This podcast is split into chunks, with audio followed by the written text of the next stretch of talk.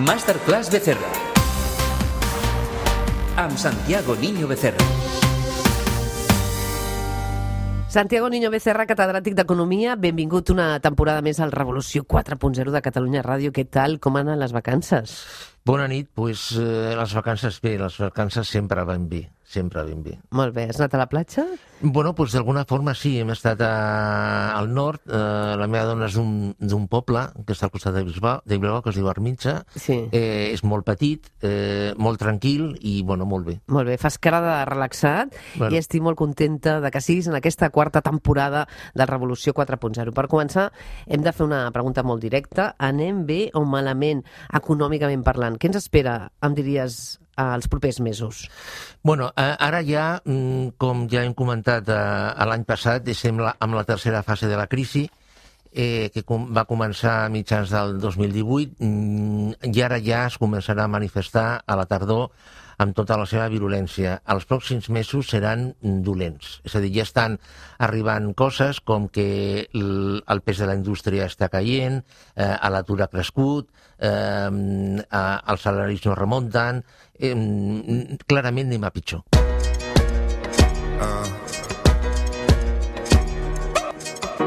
In periferia fa molto caldo, mamma stai tranquilla sto arrivando.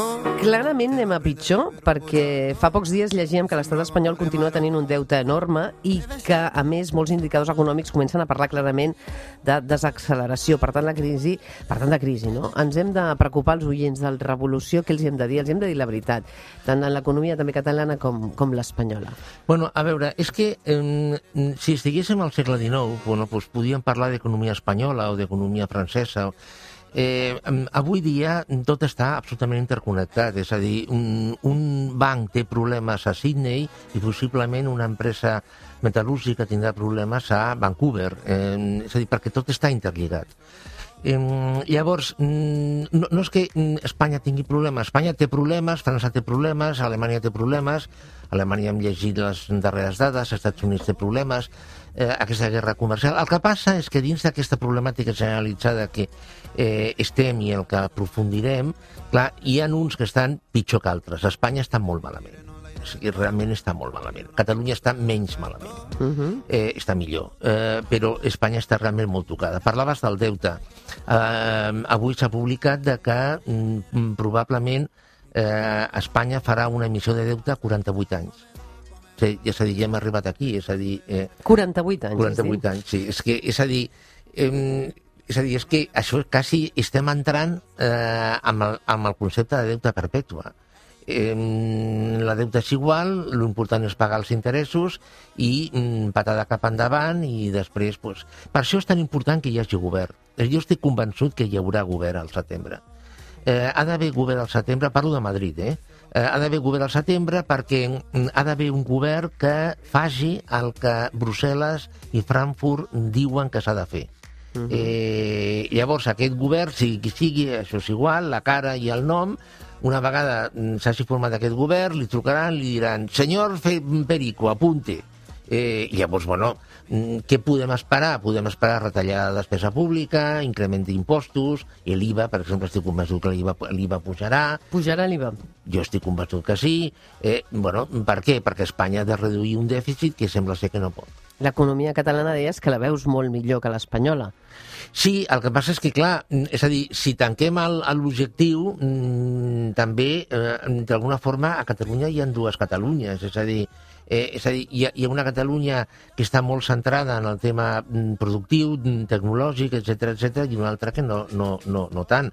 Per exemple, no oblidem, no oblidem de que el turisme és molt important per, per eh, Espanya i per Catalunya, però el municipi català de renda més baixa és Lloret de Mar eh, eh, un, un municipi que si anem a l'agost o al, o al juliol i tal, el veiem ple de turistes. És a dir, cuidado perquè mm, és a dir, el turisme, que és tan important, té la seva cara i la seva creu. Molt bé. Aquest que ara escoltem és Jack Ma. So I'm quite optimistic, and uh, I don't think artificial intelligence is a threat. I don't think arti- if, if artificial intelligence is something terrible. és el president de l'empresa xinesa Alibaba, que ha dit que és bastant optimista amb el futur laboral que ens espera i que no hem de tenir por a la intel·ligència artificial, que no és una cosa terrible. Però, atenció, ha dit una cosa que m'ha preocupat, i és que diu que en el futur treballarem 12 hores a la setmana i tot gràcies a la tecnologia. Uh, Santiago, posem-nos a, a tremolar amb el que ha dit Jack Ma, el president de l'empresa xinesa Alibaba? Bueno, a veure, aquest senyor també eh, també ha dit una altra cosa, és a dir, també va dir una altra cosa, que aquí l'important és treballar les hores que siguin, eh, perquè... Sí, va dir tot el contrari, que s'havien de treballar moltes hores. Mm, va- L'important és treure la feina, és a dir, a veure, jo, jo, jo, veig, jo penso que aquí està mm, fent una barreja de, de dos mons diferents. Aquest senyor, per exemple, és un senyor, és una persona que mm, coneix què passa, coneix què passarà i mm, se li ha d'escoltar quan parla. És a dir, jo, jo penso que aquest futur laboral tindrà, d'alguna forma, dues vessants. Una vessant estarà formada per un percentatge de població, que jo crec que serà només d'un 10%, que treballarà totes les hores del dia. Atenció, un 10% només? Sí. Un 10% de la població activa? Totes les hores del dia. Estàs parlant a nivell mundial? Bueno, a veure, O a nivell- de, de, de mig a nivell mundial. Sí, és a dir, home, perdona, a Tanzània, pues no crec, Clar. sincerament. Però em preocupa eh... perquè és molt poca gent, un 10%. Sí. A aquesta gent treballarà totes les hores del dia, les que facin falta. Els hi pagaran, eh, evidentment. eh, tin- tin- Tindran unes remuneracions brutals. I després, un percentatge de gent que pot ser, jo que sé, el, el 60 o el 70% treballaran possiblement 12 hores a la setmana, de mitja. Eh, eh, I la resta, doncs la resta no sé.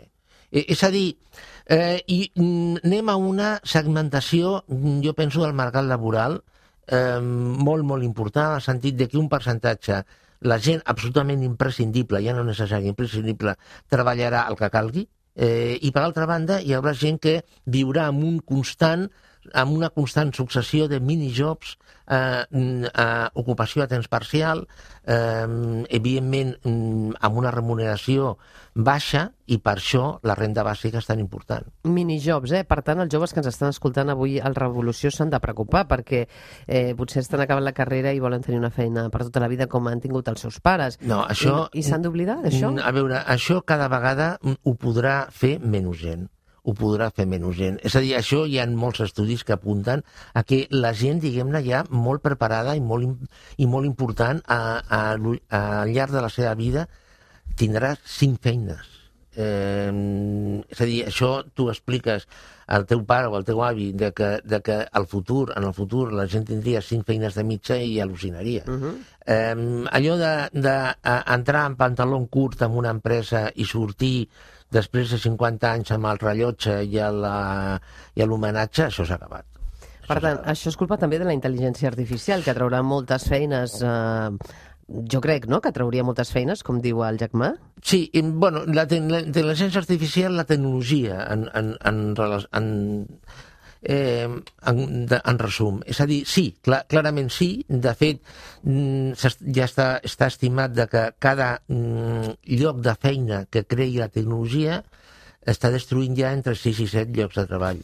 És a dir, sí, clarament la, la tecnologia destrueix llocs de treball. déu nhi perquè aquesta realitat que ens diu Santiago ens fa pensar també en una notícia que també hem llegit aquests dies. Hi ha experts que proposen reduir la població del planeta per trobar l'equilibri entre la gent, el món laboral, recursos. Sona molt bèstia, no? Perquè diuen la nova revolució anticonceptiva. Bueno, a, a veure... El món sobre gent. Sí. A veure, aquí hi han dues realitats que, mm, bueno, que, que, que és, és, bueno, estan, estan aquí. Eh, per, per una banda, ens estan dient que falta gent eh, per cotitzar eh, per les pensions, perquè aquest, aquesta gent, aquests nous, nous treballadors, seran els que pagaran les pensions de, de la població del futur, Mm, això a nivell teòric està molt bé, però a la pràctica, i abans hem parlat d'això, el que està passant és que la tecnologia, mm, i cada vegada més, tecnologia robòtica, etc etc, mm, eliminarà llocs de treball. Clar, aquí hi ha un divorci, són do, dues idees que estan contraposades, no? Jo, a, això que has, que has comentat ara, jo estic convençut que arribarà, però no avui, no avui, ni demà. Mm, és a dir, de- d'entrada mm, hem comentat eh, un percentatge de població en treballs mm, precaris, mm, de poques hores, eh, eh, complementats amb una renta bàsica, minijobs, etc etc. i el pas següent, el pas següent d'aquí, no sé, per dir alguna cosa, eh, 20 anys. 20 anys, és a dir, com a, és a dir si t'agrada més 25-25, eh? 2040-2045. Eh, és a dir, planificació del creixement demogràfic. Per tant, la gent li dirà que no tingui tants fills. Pues sí. Pues sí. Que tingui un fill únic i prou. O, o, o, o, o cap. O cap. O cap. Eh, és a dir, jo penso que arribarem, arri arribarem aquí. A més a més, també, una altra notícia que el Santiago sempre ens envia, eh? ens envia notícies a destacar i que vol parlar, i a mi em sorprenia un deia, una que deia que fa uns dies també coneixíem eh, una notícia impactant, que l'ONU proposa canviar la nostra dieta per frenar el canvi climàtic, que el món eh, s'està transformant, cada vegada tenim més població, i el canvi climàtic ens afecta a tots i en el molts sentits, i fins i tot en la dieta, que no hi pensem. Sí, a veure, eh, aquí hi ha dos temes que són diferents. És a dir, eh, per una banda, és totalment cert que la producció d'uns aliments contamina moltíssim més, moltíssim més, que eh, la producció d'uns altres. I la producció d'uns aliments, eh, és a dir, mm, és a dir, destrueix, consumeix més recursos naturals que altres. Per exemple, la carn, la carn de vedella la, la, les vedelles contaminen brutalment, uh -huh. brutalment contaminen. Eh, és a dir, per, per aquesta banda, és cert que si canviem la dieta eh, podem contribuir positivament a, mm, eh, bueno, a lluitar contra el canvi climàtic. Però, per altra banda, per altra, o sigui, això és cert, punt i a parte. Però tam també és veritat que la, de, jo penso que la ONU s'està d'alguna forma avançant el que ve. Què és el que ve? Una reducció de la renda mitjana. Eh, és a dir, mm, la ONU està dient, oi, escolti, vostès han de, mm, vostès, població mundial, estaria bé que canviessin la seva dieta per consumir productes menys, menys contaminants, però per altra banda, pensin que la seva renda eh, futura no podrà pagar, no podran comprar amb aquesta renda aliments, aliments que són molt més cars i que contaminen més. Per tant, eh, eh, menjar més barat, verdura, eh, fruita, eh, penso altres aliments, no?, que són eh, més econòmics? Més, bueno, a veure, en principi Au? sí. Eh, bueno, a veure, sí, però cuidado, perquè... Però perquè, perquè no seria? Sí, bueno, depèn, és a dir, a veure, depèn, perquè, per, per exemple, enciams, enciams hi han de molts tipus hi ha enciams que són molt, molt, molt barates i hi ha enciams que són que semblen diamants, que tenen preus de diamants. Mm. És a dir, que no, no, el que passa és que un enciam, eh, evidentment, contamina molt menys que un, un filet de vedella. Potser ens convé perquè ens aprimarà, també, aquesta, aquest canvi de dieta que proposa pel canvi climàtic la ONU. Mm, bueno, sí, sí, però cuidado, sense abusar de coses com pasta i coses d'aquestes, eh? Uh, per anar acabant, una altra cosa, el canvi climàtic jo crec que és un dels grans problemes i en parlarem del segle XXI a nivell mundial.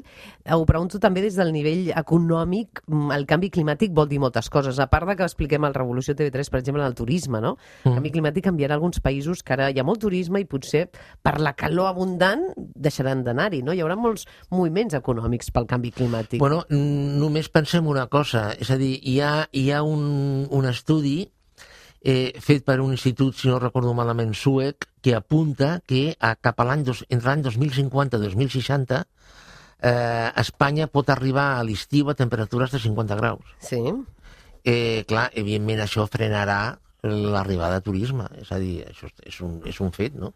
Eh, la evolució del canvi climàtic eh, la degradació del, del, del medi ambient, això influirà en el turisme. Mm, és a dir, pensa, per exemple, que aquest estiu a ciutats com a Berlín o Estocolm mm. s'han arribat a temperatures mm, històricament elevades. És a dir, mm, és a dir eh, si tu mm, anessis eh, 30 anys enrere i diguessis a un senyor de Berlín o una senyora de Berlín que s'arrebria als 42 graus, diria, bueno, vostè què diu?